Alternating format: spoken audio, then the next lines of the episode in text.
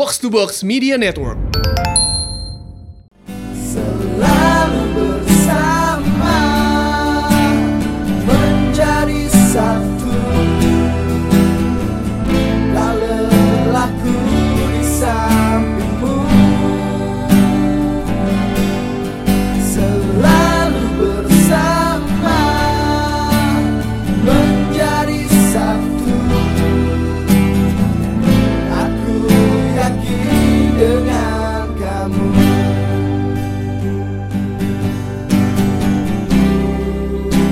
AYDK, aku yakin dengan kamu.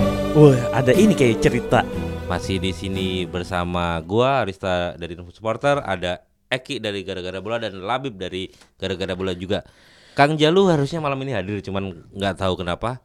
Katanya kita disuruh jalan satu sesi dulu. Ya udah Ada hal substansi mungkin. Betul. Dia jadi Dewan Pandit Indonesia. Oh, Dewan Pandit. Oh, dia pandit dia. Pandit ya. Gimana gimana gimana. Kita seminggu ini ketemu terus nih. Iya, kita gua menggantikan Fadli kayaknya ini. Jadi trio Gara-gara Bola. Jadi tetap gara-gara bola featuring info supporter Iya. sekarang. X X info supporter. Collab, collab. collab. Kenapa YDK kita putar di awal lagu karena akhir pekan kemarin kita bertiga menuju Jogja dan mobilan luar biasa 5 jam di Karawang. Terima kasih buat Eki yang udah mau setir macet-macetan di Karawang. Habis itu meninggal sampai Boyolali. Iya, jadi kita kemarin hari Jumat malam ya. Tanggal Jumat malam kita berangkat jam 10-an.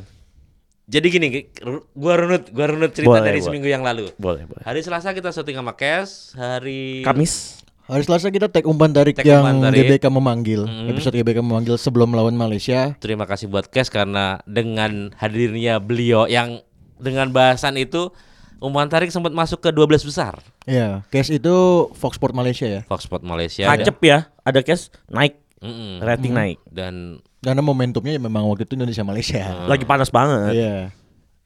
terus gue cerita dari versi gue ya kan Iya. lu lu ke stadion dan Eki juga punya cerita masing-masing kan hari Kamis itu kan Iya, Ayo. jadi jadi ceritanya kita semua ke stadion nih. Hmm. Kita semua ke stadion, Kang Jalu sama Mas Tio itu komentator komentator play by play ya Hmm, di pemegang hak siar timnas ya. hmm, hmm. Nah, Alom.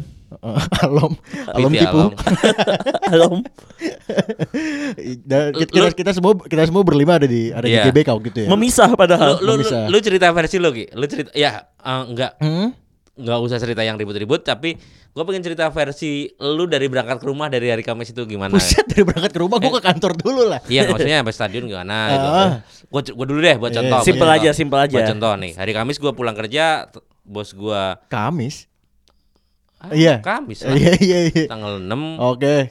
yang gua harusnya pulang jam 6 tapi bos gua bisa pulang cepat karena sakit. Oke. Terus gua mau tiket enggak itu. Ya udah gua dateng Eh, nyampe GBK gua mengaw meng- bukan mengawal sih menemani cash dari Fox Sport Malaysia untuk bikin video dokumenter jadi gua selama hampir 80 menit sama-sama dia dan ya udah gua pulang dan hari Jumatnya gua langsung ke Jogja gimana bukan main belum tidur Hmm. kalau lu tidur dong di mobil. I- Eh, Di iya. mobil tidur dong. Hmm. Kurang ajar kalau begini namanya.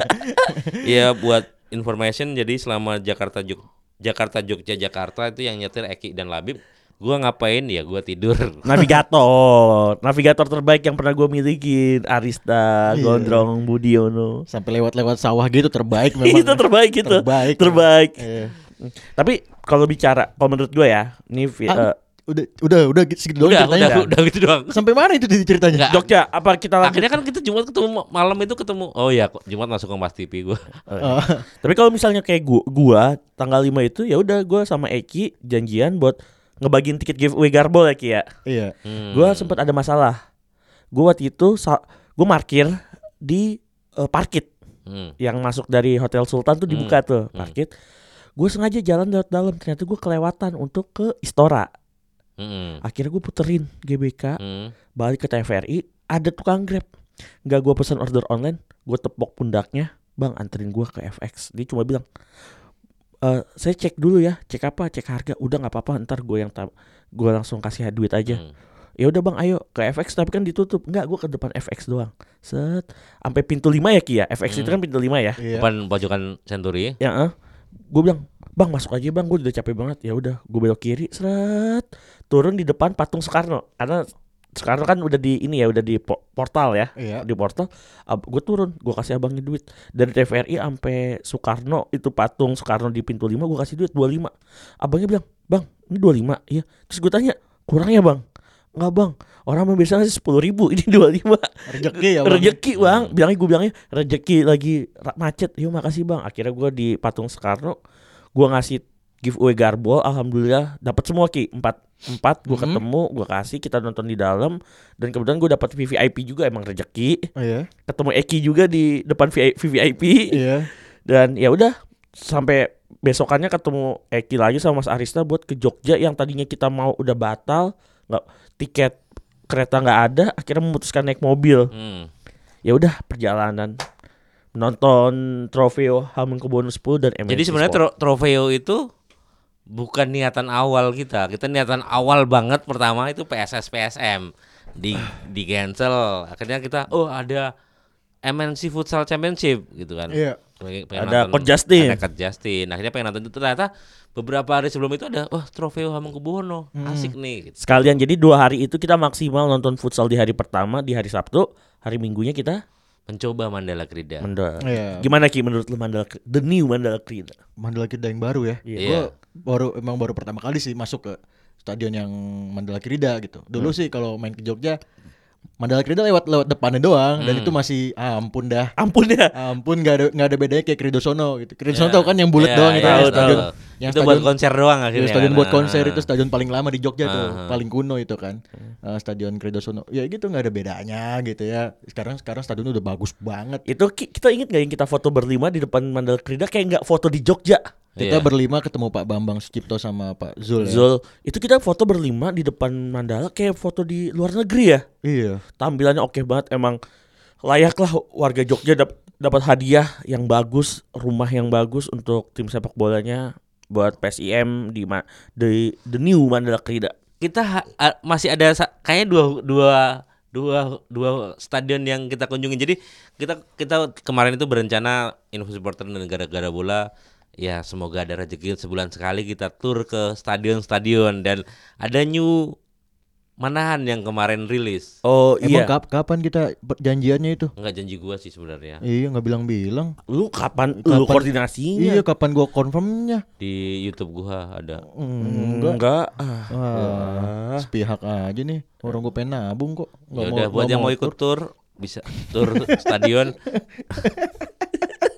kacau kacau iya, jadi ada ada balik lagi ke stadion ada new Manahan yang bakal kita datengin dan ada new Jati Diri. Ya. Identitas baru.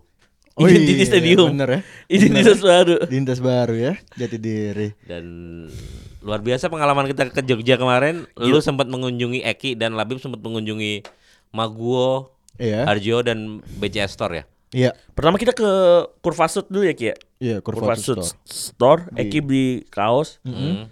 yang tulisan apa If you give us If 90 you- minutes, if I will if- give you lifetime. lifetime. Gue bi gue beli kalau gue beli eh, kaos eh, ini backgroundnya tribunnya Brigata Kurva Sud. BCS Brigata Kurvasut yang Hmm. ikonik itu loh, yang ada Hmm. tulisan-tulisan pokoknya lah. Iya. Jadi kita, jadi kita dari Brigata Kurva Sud Store kita nonton PSM Jogja. itu, itu- tapi orangnya tahu. Kira, gue kan sama Eki ngomongnya nggak nggak orang situ banget ya. Nah. Ki gue lu lu apaan size-nya? Udah tahu banget. Bang, mau apa? Terus gue bilang aja tadinya mau nonton PSS, tapi PSS nggak ada match. Terus terus abangnya langsung bilang pasti mau nonton PSIM ya. Abangnya aja. bilang kan Iya. tahu aja. Iyalah kita mah suka nonton bola. Terus dia tahu podcast box to box. Iya. Dia sama bukan podcast box to box ya? Digituin kita kan? iya iya. Iya. Heeh. Makanya Eki update di retweet Habis itu ber- berarakan Heeh, berarakan parah. Lumayan dah. Tweetnya banyak Eki Bagus Terus Oh kita ke Maguwo dulu Ki Iya. Foto Eki pengen ngeliat ini Tugu Elang Jawa Di depan Maguwo Ada ada elang lagi main bola tuh.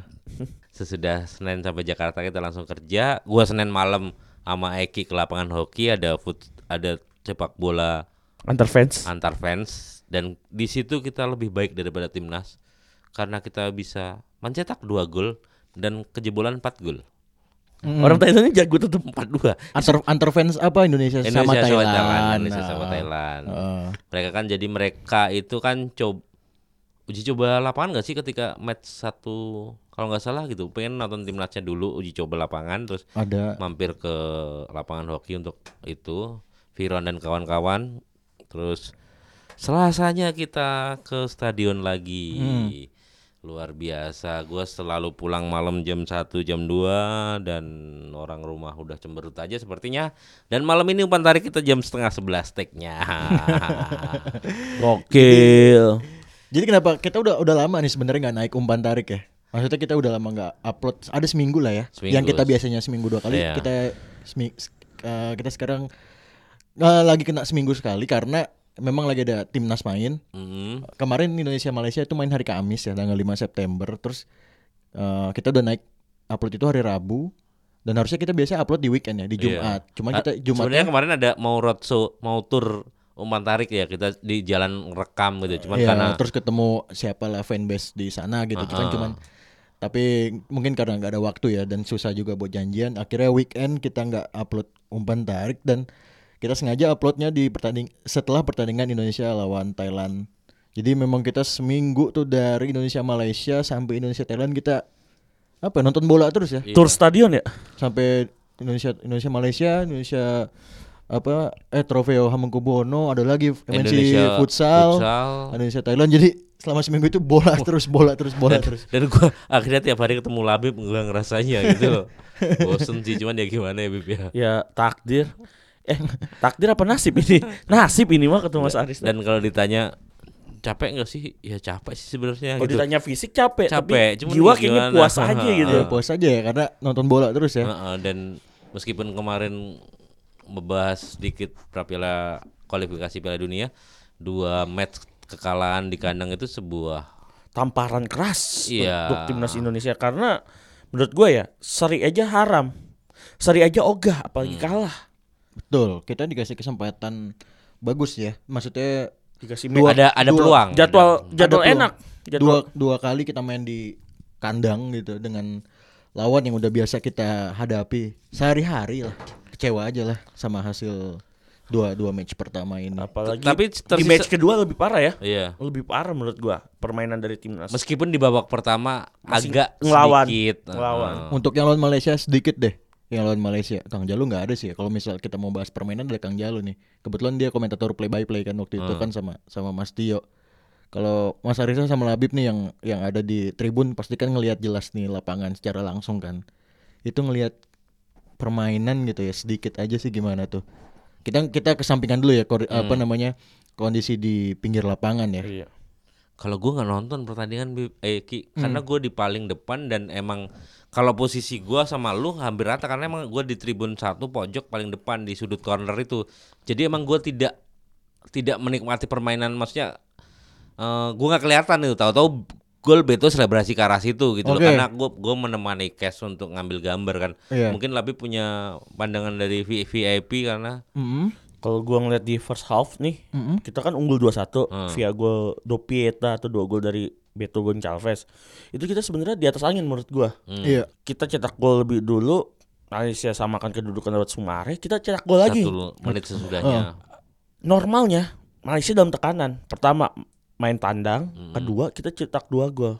Tapi ternyata eh gua baru hari ini baca eh, dari pandit di Malaysia tuh Rimau 11 Iya. dia bilang budak Indonesia hanya cakap bermain sepak bola selama 70 menit. Ya ya ya. Oh, Dia bilang kayak gitu. Dan, itu dan emang di sini kan juga 70 menit doang 70 menit kita cuma di cakap liga. di liga.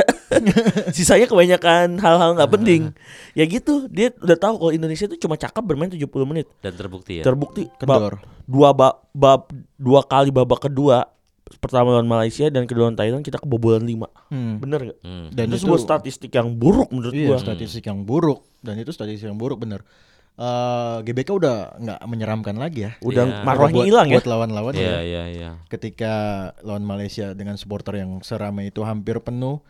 Malaysia yang notabene nggak pernah menang di GBK sejak 2004. Hmm, hmm. 15 tahun ya Ki ya? Mm-mm, dia bisa menang di situ. Terus juga Thailand yang nggak pernah menang dari 2010 ya.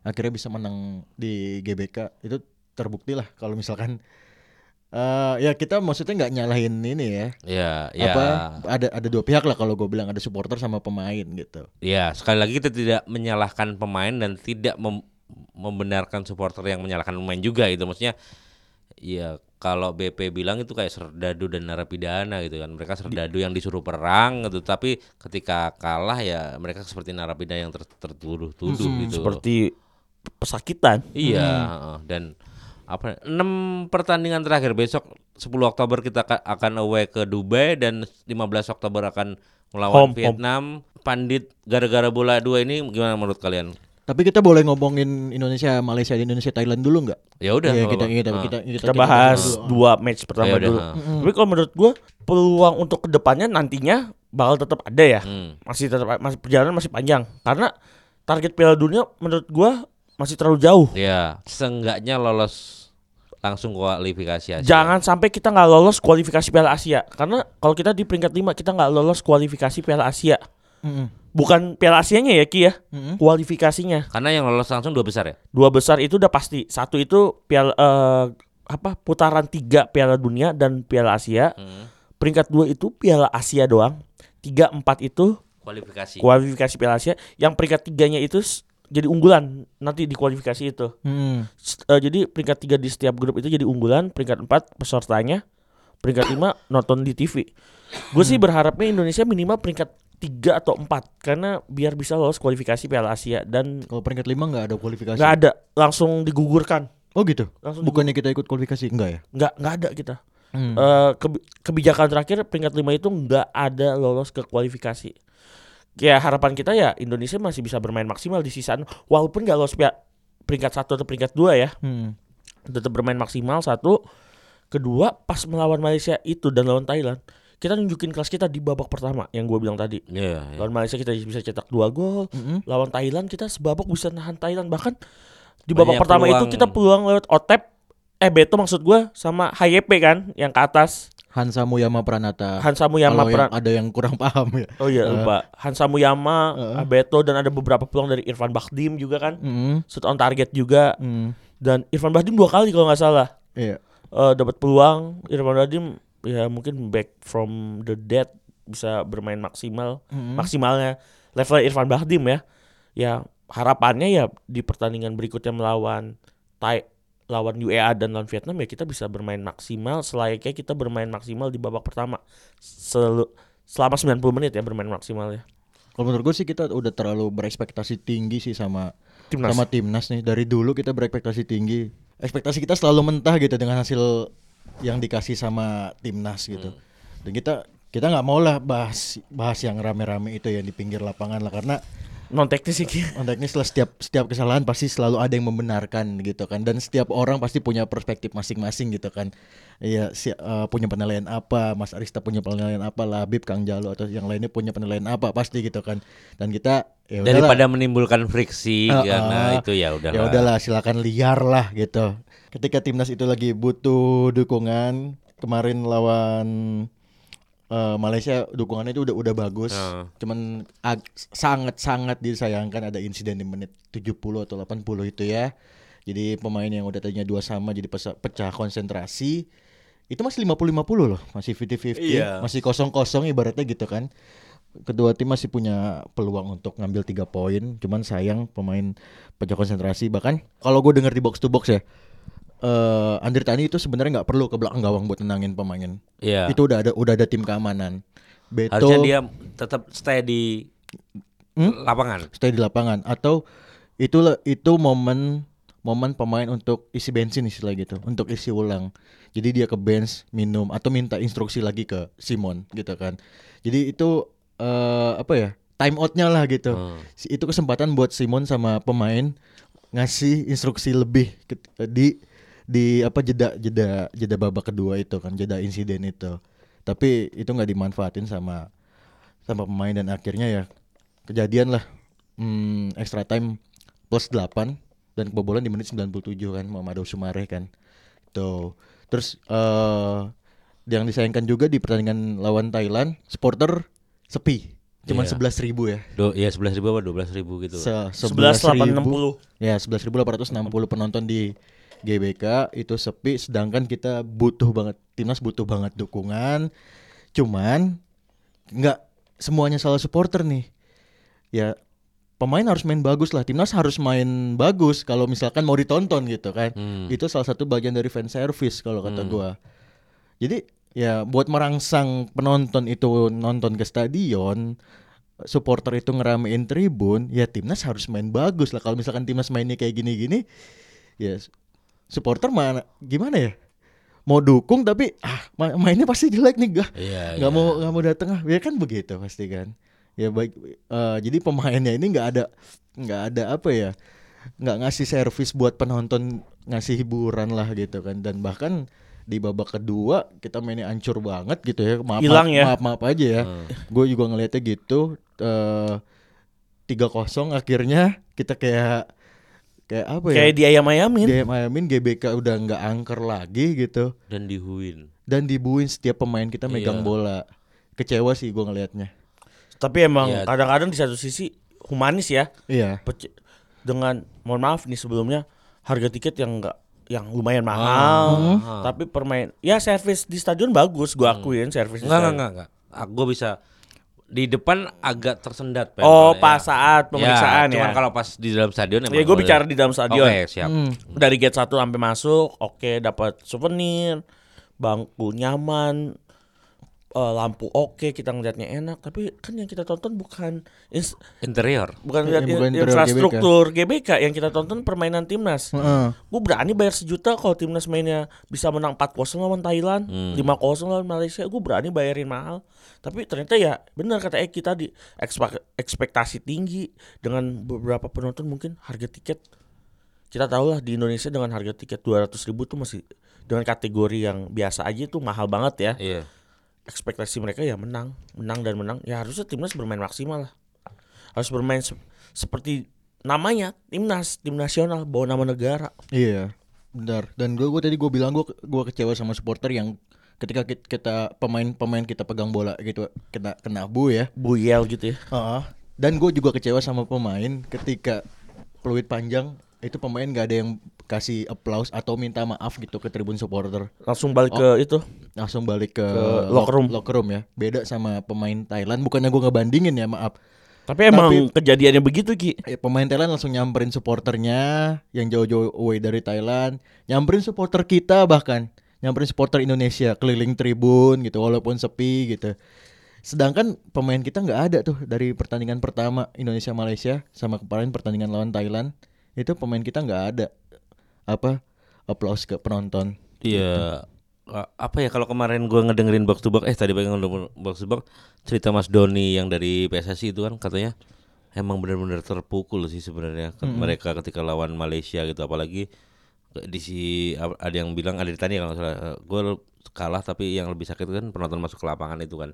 Ya udah ya cuman kalau gua ngeliat dari sisi ceritanya Mas Doni tadi dia dia bilang emang pemain timnas terpukul sampai jalan ke stadion eh, ke dari stadion ke hotel pun sama sekali nggak ada nggak ada suara nggak main handphone ya tertunduk bener-bener kalah gitu dan semakin hancur ketika kemarin kalah sama Thailand ya gimana perasaan mereka gitu Iya, fisik udah kekuras, iya mental belum kembali ya, belum pulih dan harus ngadepin lawan yang lebih, kuat Lebih. dari Malaysia. itu di babak di babak pertama emang ah optimis nih teman begitu itu aduh yes. Hancur ya.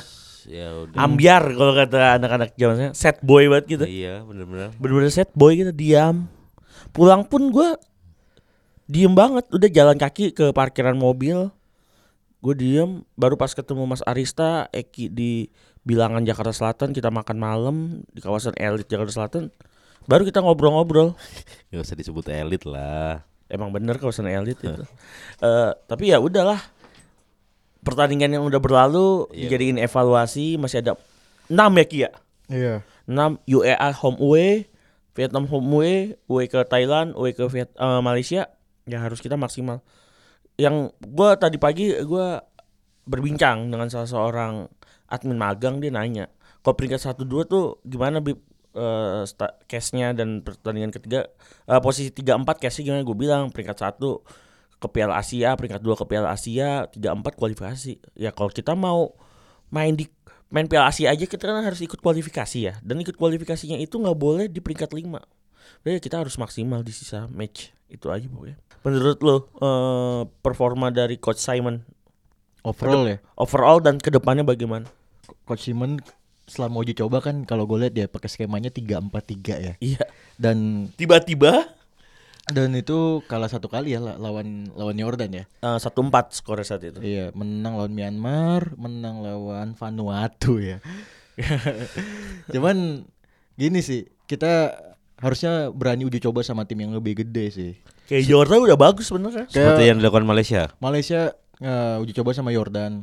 Thailand uji coba sama Slovakia ya waktu itu ya. Iya, betul. Slovakia terus siapa lagi Vietnam uji coba sama Qatar. Qatar atau Korea Utara gitu. Korut, korut. Eh, eh, dan ya ber- berarti mereka kan kelihatan banget harus cari sparring partner yang lebih kuat. Itu kan tandanya mereka serius gitu kan. Sedangkan kita uji coba sama Bayangkara, sama PS Tira, Bali United. Aduh, kemarin tim U23 uji coba sama Bali sama PSIM gitu loh. Ini ketika lagi international friendly match eh, Manfaatkan. manfaatkan ya kayak Malaysia lah kemarin sebelum ber- Malaysia berangkat ke Bukit Ja- eh ke GBK dia uji coba sama Yordania gitu kan main di Bukit Jalil eh Bukit Jalil ya bener Bener yang kalah 0-1 doang. iya salah kalah kalah satu kosong Terus kalau lawan Thailand ya kita me- menunjukkan kelasnya di 45 menit doang. Indonesia lupa kalau pertandingan itu 90 menit. Dan Thailand menghukum Indonesia langsung di awal babak kedua. Lewat gol Supacok, penalti Teraton dan ditutup gol lagi dari Supacok Jaidet. Supacok Eh Supacok Jaidet. Supacok Saracai Supacok Saracai. Supacai eh Supacok eh Supacai Jaidet padahal mati ya permainannya ya. iya Nomor 9 ya dia ya? nomor 9 Nah, ca- dan Canatip tuh ya nggak nggak lewat ya Nggak lewat. Sekali dari doang dia. mana hati ya Mana hati emang oke banget mana sih. hati kuat banget ya jagain jagain Canatip, Canatip. ya Terat Teraton lewat sama Andik dua kali. iya Lewat sama Andik dua kali. Iya dan harusnya pemain-pemain kayak Andik itu harus dapat motivasi lebih lah belajar lagi lah di Madura.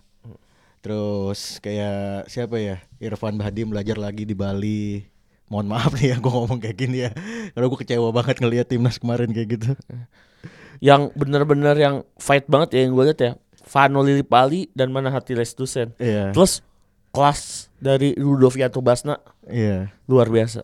Taktis banget Basna kemarin udah Tackle di dalam kotak penalti Oh, clear penalti. banget, Bersih ya? bersih banget. Oh iya dan buat Cap Andritani semoga bisa bangkit. Eh kalau kualitas sih sebenarnya kita nggak bisa nggak dipungkiri ya kualitasnya emang sebenarnya oke dia kalau dalam top perform. Tapi mungkin mungkin mental berbicara ya siapa pun lah entah Andritani, Andri Ibu atau Andri Kustiawan atau siapa. Andri Kustiawan siapa Gi? Andre Kustiawan Futsal Oh iya betul. Kapten Gua- futsal Gua kebayang tuh kalau gua jadi Adita nih Down dulu pasti. dibuhin gitu pulang gua. Oh, bodo amat lah pulang. Itu gua. Teja sama Angga Saputra pura-pura sakit ya. Gak Iya, mau main gak mau main. Udah uh, kiper cadangannya Simon tahu Andri Tani kan Simon masang badan ya buat Andri Tani. Iya. Eh, Andri Tani nggak pantas untuk diperlakukan serendah itu oleh supporter. Tapi pas dia ngeliat di bench Teja sama Angga speak speak speak speak cek. Aduh. Pusing pusing. Tuh kalau pemain yang ngedon eh, tapi kita harus akuin ya mungkin Ang- Angga alias Cecep Angga tuh panggilnya Cecep kalau nggak salah. Eh terus eh, TPA itu Tempat pembuangan akhir. Tuh terjebak Taman- malam Taman Pendidikan harus Al-Quran. diberikan kesempatan saat uji coba. Buat kalau misalkan kiper utama kayak Andri Tani atau kan, eh, u- kan main uji coba lawan Bayangkara pak. Tapi maksudnya eh, uji coba yang kompetitif ki? Iya itu. Ah. Tapi Bayangkara itu menurut gua gak kompetitif. Apaan sih? Juara loh, Bib. Eh, mm, juara dua tahun yang lalu. Skuadnya udah nggak ada skuad juaranya Spas udah nggak ada Paulo Sergio udah nggak ada Yunko udah nggak ada. Heeh. ya, nih kalau mau bicara kompetitif Vietnam sama Korut uji coba. Iya. Thailand sama Slovakia. Iya. itu kompetitif banget. Terus Malaysia sama U, U, eh kok UEA enggak Jordan. Jordan Hong Kong pernah. Iya kan? Heeh. itu kompetitif banget loh sama Jordan loh. Mm-mm. mohon maaf kalau cuma sama klub mah kan bisa di set up mainnya pelan pelan aja. Iya. Emang kalau sama bule kita bisa Maksudnya sama orang warga negara eh, klub eh, Sorry tim nasional asing kita bisa setting.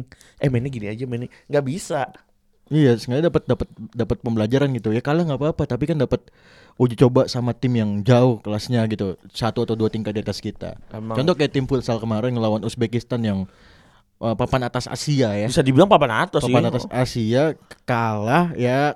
Tapi Memang punya- udah udah di, udah Iya. dipastikan kalah. Coach Justin juga peluang. bilang gitu kan, nggak nggak berharap men- jangan berharap menang, ini mah kalah pasti. Bener kalah. Tapi, Tapi- uji cobanya lawan Uzbekistan. Ya benar. Peringkat apa kalau nggak salah Uzbek itu lima besar Asia ki Mm-mm. dan Indonesia 10 besar. Dan Mm-mm. emang harusnya uji cobanya Indonesia lawannya Irak, Iran. Nah, awalnya tadi Irak ya harusnya datang ya. Futsal nih. Nah, Oh, iya. Irak, Iran. Heeh. Begitupun juga dengan sepak bola ya Ki ya. Heeh, heeh. Harusnya jangan kita tuh jangan Vanuatu, Laos, Kamboja, Myanmar, banter-banter. Jangan sekali sekali lawan Jordan kemarin gue udah respect banget. Iya, lawan dan Jordan. away lagi ya. Away lagi. Heeh. Harusnya kita lawan home kita berani datengin. Kalau gue kalau gue boleh milih kayak Kirgistan yang sekarang lagi udah 100 udah di masuk 100 besar Asia kan. Mm-mm. Kirgistan kita undang.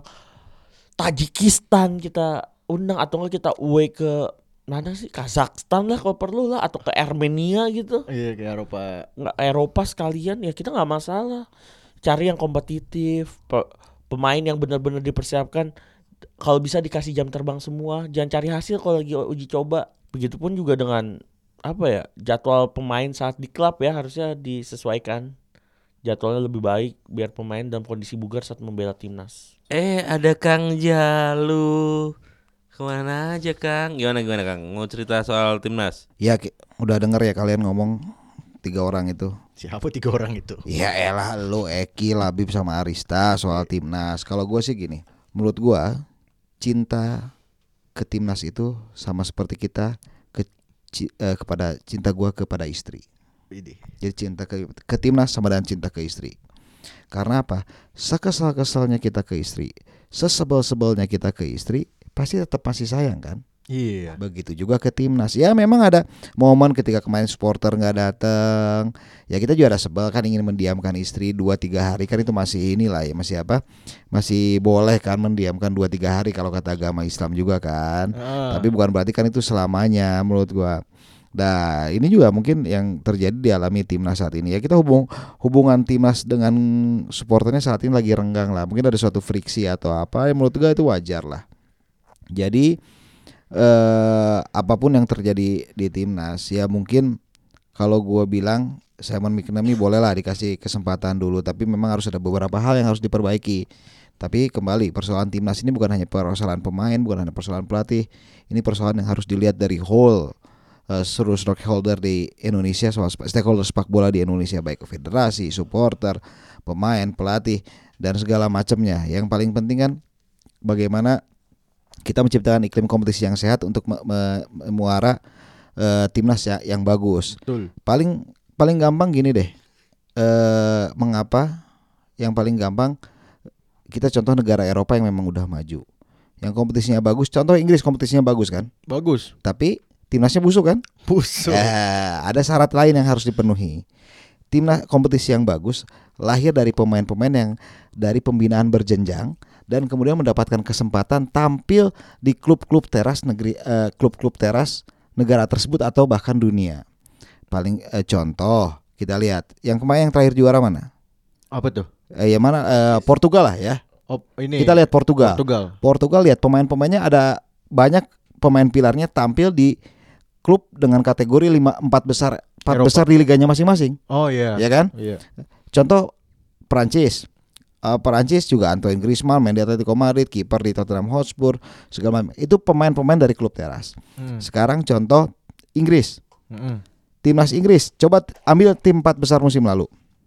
Kiper paling jago Ederson, Alisson, Hugo Lloris, eh, sama sama De, Gea di bawah kan. Kepa Arrizabalaga. Oh, iya. Mana yang pemain timnas Inggris? Jordan Pickford di bawah Hah? Jordan Pickford di bawah. Kita harus harus dan dari tim memang tim yang eh, setelah apa namanya kompetisinya dibenerin, ya pembinaannya diba- dibagusin jadi diberikan kesempatan tampil di tim besar dengan kualitas yang memang di- kemudian bek kanan. Oke ada Trex Alexander Arnold ada itu untuk bek kanan Inggris no problem lah ya Iya aman mendapatkan kesempatan. Sekarang bek kiri siapa timnas Inggris?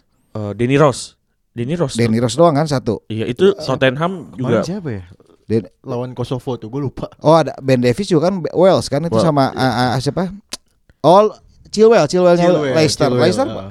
kasta berapa oke lah dia pernah juara, tapi kan bukan tim dengan eh, tingkat kompetisi yang luar biasa, kompetisi internal, kompetisi kompetisi sehat di dalam tim. Iya. Back tengah ya siapa sih Harry Maguire, Leicester City. Sama ini dia. sama Siapa? siapa? Back Johnston. Johnston ya Johnson doang kan baru oke jadi masalah di Inggris aman dua berarti kan back kanan satu back tengah satu itu baru di lini ke tengah paling Jordan Henderson sekarang mana tim empat besar yang mengandalkan gelandang asli Inggris Mason Mount tapi yang sekarang luar biasa kan Oh, bersama Chelsea Tapi belum bisa bisa dibilang oke untuk timnas. belum belum belum belum kita belum tahu tapi Iya. sekarang men- menjadi salah satu rising Ho- star lah ya Komoditi panas lah. komoditi panas lah di lini depan ada Sterling masih cukup aman ya tapi kan gitu hanya ber- hanya beberapa pilar kan sama Harry Kane lah Iya. nah Nah, menurut Kang Jalu ya Nah, saya ini 10 sama kan dengan Ah. timnas Indonesia. Sekarang posisi-posisi pilar di tim besar diisinya oleh pemain asing kan kebanyakan. banget striker ya kan. Striker, eh, Gelandang serang. gelandang serang yang sebenarnya posisi-posisi vital. Kalau back kita relatif cukup aman ya, tapi kita masih juga butuh eh, yang benar-benar kualitasnya wah gitu loh. Ya minimal sep- seperti Hamka Hamzah pada zamannya lah ya sekarang. Ya, ya sekarang kan udah te- terlalu ya, tapi ya itulah. Jadi pokoknya ini timnas ini masalah bukan sa- satu dua nama, tapi ya ini harus yang dipikirkan bersama termasuk kita oleh supporter. Ketika eh, semuanya makin dewasa, yakinlah Indonesia ini bisa eh, punya potensi. Gini, yang kedua adalah tidak ada yang instan di eh, dunia ini kecuali kopi dan dan Indomie ya. Iya. Itu pun masih direbus. Itu pun masih harus direbus dulu airnya kan. ya. ya ini yang co- gua ambil contoh yang paling gampang. Cina, Liga Cina. Mereka kita tahu itu begitu wahnya ya. Tapi tahu mereka baru target akan me- mera- merajai eh, dunia kapan? 50. 2050. Berarti ada waktu 30 eh, sekitar 20, 30 tahun lagi kan? 32 tahun lagi lah. Betul. Pemainnya pun belum lahir. Pemainnya belum lahir. Tapi ya memang dia sudah disiapkan. Ya kita nggak mungkin. Makanya gue suka heran sama visi misi yaitu eh, ke apa? Calon ketua umum PSI akan membawa Indonesia ke pentas dunia nggak bisa dalam 4 8 tahun lah. Bener. Bu- Butuh 20 waktu- tahun lebih. Ya kecuali ada genosida dulu di negara-negara mana gitu baru kita bisa. Ya gitulah pokoknya jadi marilah kita sama-sama dewasa. Marilah kita menyikapinya ya semoga hubungan kita eh, dengan timnas seperti halnya suami istri yang tetap sayang walaupun bikin kesal.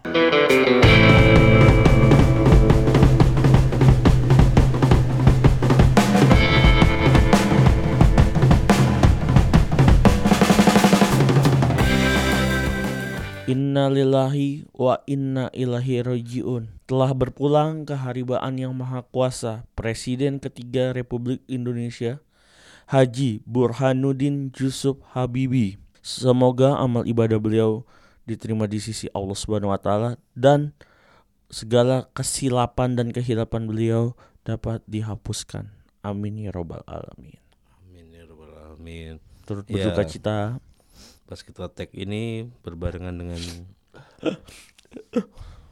terus eh Kang Ja- Berbarengan Kang- apa? berbarengan dengan meninggalnya Bapak B.J. Habibie terus ternyata eh, di dunia olahraga Pak B.J. Habibie ini punya apa namanya track Sim- record punya track record yang bagus gitu maksudnya punya cerita itu nah eh, mumpung KJ ada infonya kita tanya KJ KJ gimana sih cerita Pak B.J. Habibie di dunia olahraga Indonesia gitu silakan KJ Ya turut berduka cita ya kita salah satu bangsa kita eh salah satu bangsa salah satu bapak bangsa lah meni- meninggal dunia. Ini yang menarik sebenarnya kan eh, Pak Habibie ini kan kebanyakan terkenal dengan hasil-hasil riset teknologinya. Sebenarnya dia juga punya jasa besar terhadap dunia olahraga. Dua yang gua tahu dan satu yang gue bikin artikelnya adalah catur dan sepak bola. Catur. Iya, jadi catur itu pas tahun 91 ada Piala Habibie pertama dan tahun ya, Piala Habibie kedua tahun 93. Itu harga waktu itu 11 juta hadiahnya tahun 91 tuh. gede banget ya Kang. Itu, itu paling gede katanya. Eh, langsung gua konfirmasi ke Pak Kristinus Lim, eh, Kabit Pembinaan dan Prestasi Percasi. Ya, gua, gua tanya tanya ke dia. Ya, 11 juta pada saat itu besar banget. Mungkin sekarang 100 kalau- jutaan kali. 100 jutaan karena kan taruhlah seribu rupiah kan Betul. satu dolar nah eh, itu di situ ada Utut Adianto datang segala macam nah di tahun 91 itu salah satu apa namanya bapak percasi ya maksudnya bapak pembinaan siapa Pak Eka siapa Eka Surya Wijaya itu ya yang sekarang yang kemarin mendapat lifetime achievement hadir nah itu dari catur sebenarnya kan mungkin yang kita ta- yang kayak Labib Eki atau Arista tahu sebenarnya ada di sepak bola kan sebenarnya ada Piala Habibi. Oh, iya iya iya. Iya, Piala Habibi itu terakhir tahun 2015 ya. Kalau nggak salah Kurnia Mega juara tuh.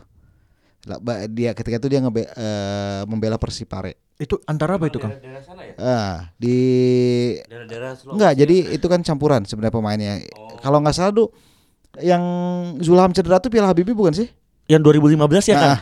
Yang ada ini Ki ah sorry Kang, ah, Sidrap, Sidrap, Sidrap United. Sidrap United itu Iya. diisi pemain-pemain Borneo, Ah, ah. Persipura. Nah itu nggak tahu apa itu Ramadan Cup kalau yang itu. Oh, Ramadan berapa? Ramadan Cup ini oh enggak sorry sorry ya itu itu yang Ramadan Cup kalau yang Piala Habibie lain lagi tapi memang pada saat itu ada dua kalau nggak salah nggak dalam nggak dalam temponya nggak terlalu lama ya ya terakhir 2015 lah Piala Habibie itu pertama kali diprakarsai sekitar tahun 80-an ketika masih main Ristek Oh. Pak Habibinya. Pak Habibie-nya masih main Ristek tapi ya ya menarik lah sebenarnya kan ya terus ada siapa sih cucunya Cucu. Oh ya yang yang sekarang jadi pemain bola. eh Ah, maksudnya lagi yang ya. seleksi pernah seleksi pemain junior Junior. ya itu sih sebenarnya memang secara apa namanya secara terlibat banyak enggak cuma setidaknya eh Singgungan ada ya kan? ya mendiang presiden ketiga Republik Indonesia ini sudah berjasa besar lah terhadap dua karena kan satu eh, banyak lah pasti kan banyak pemain dari Sumatera Selatan eh Sulawesi Selatan Banyak banget. yang lahir dari Piala Habibie pasti ada lah.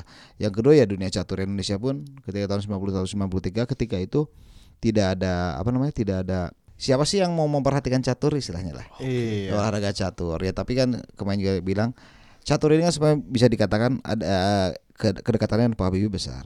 Hmm. Catur itu kan selalu menggunakan inteligensia Iya. dan Pak kita tahu bahwa mimpi anak-anak zaman dulu lah gua ya yang contohnya yang lahir tahun sebelum ta- eh sebelum tahun 80 ya sebelum genera- generasi akhir milen generasi akhir generasi X pasti mengidolakan kalau anak pintar tuh pasti Pak Habibie itu sih makanya Role modelnya Pak role Habibie. modelnya Pak Habibie Luar biasa ya dongengnya Kang Jalu ya tentang timnas ini ya. Mantap.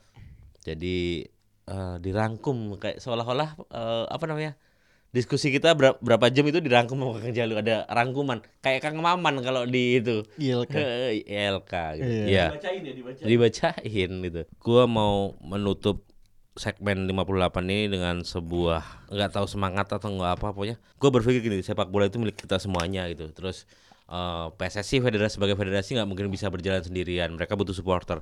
Pun demikian dengan supporter mereka butuh regulasi. Yang bisa nge ngejalin regulasi ya federasi. Sesekali lah duduk-duduk bareng ngopi-ngopi di Garuda Store. Ngomong lu maunya apa sih? Gue maunya kayak gini loh. Lu butuhnya apa sih? Gue butuhnya kayak gini loh. Jadi tidak melulu kita didikte oleh federasi dan tidak melulu supporter mendikte federasi. Duduk bareng aja lah.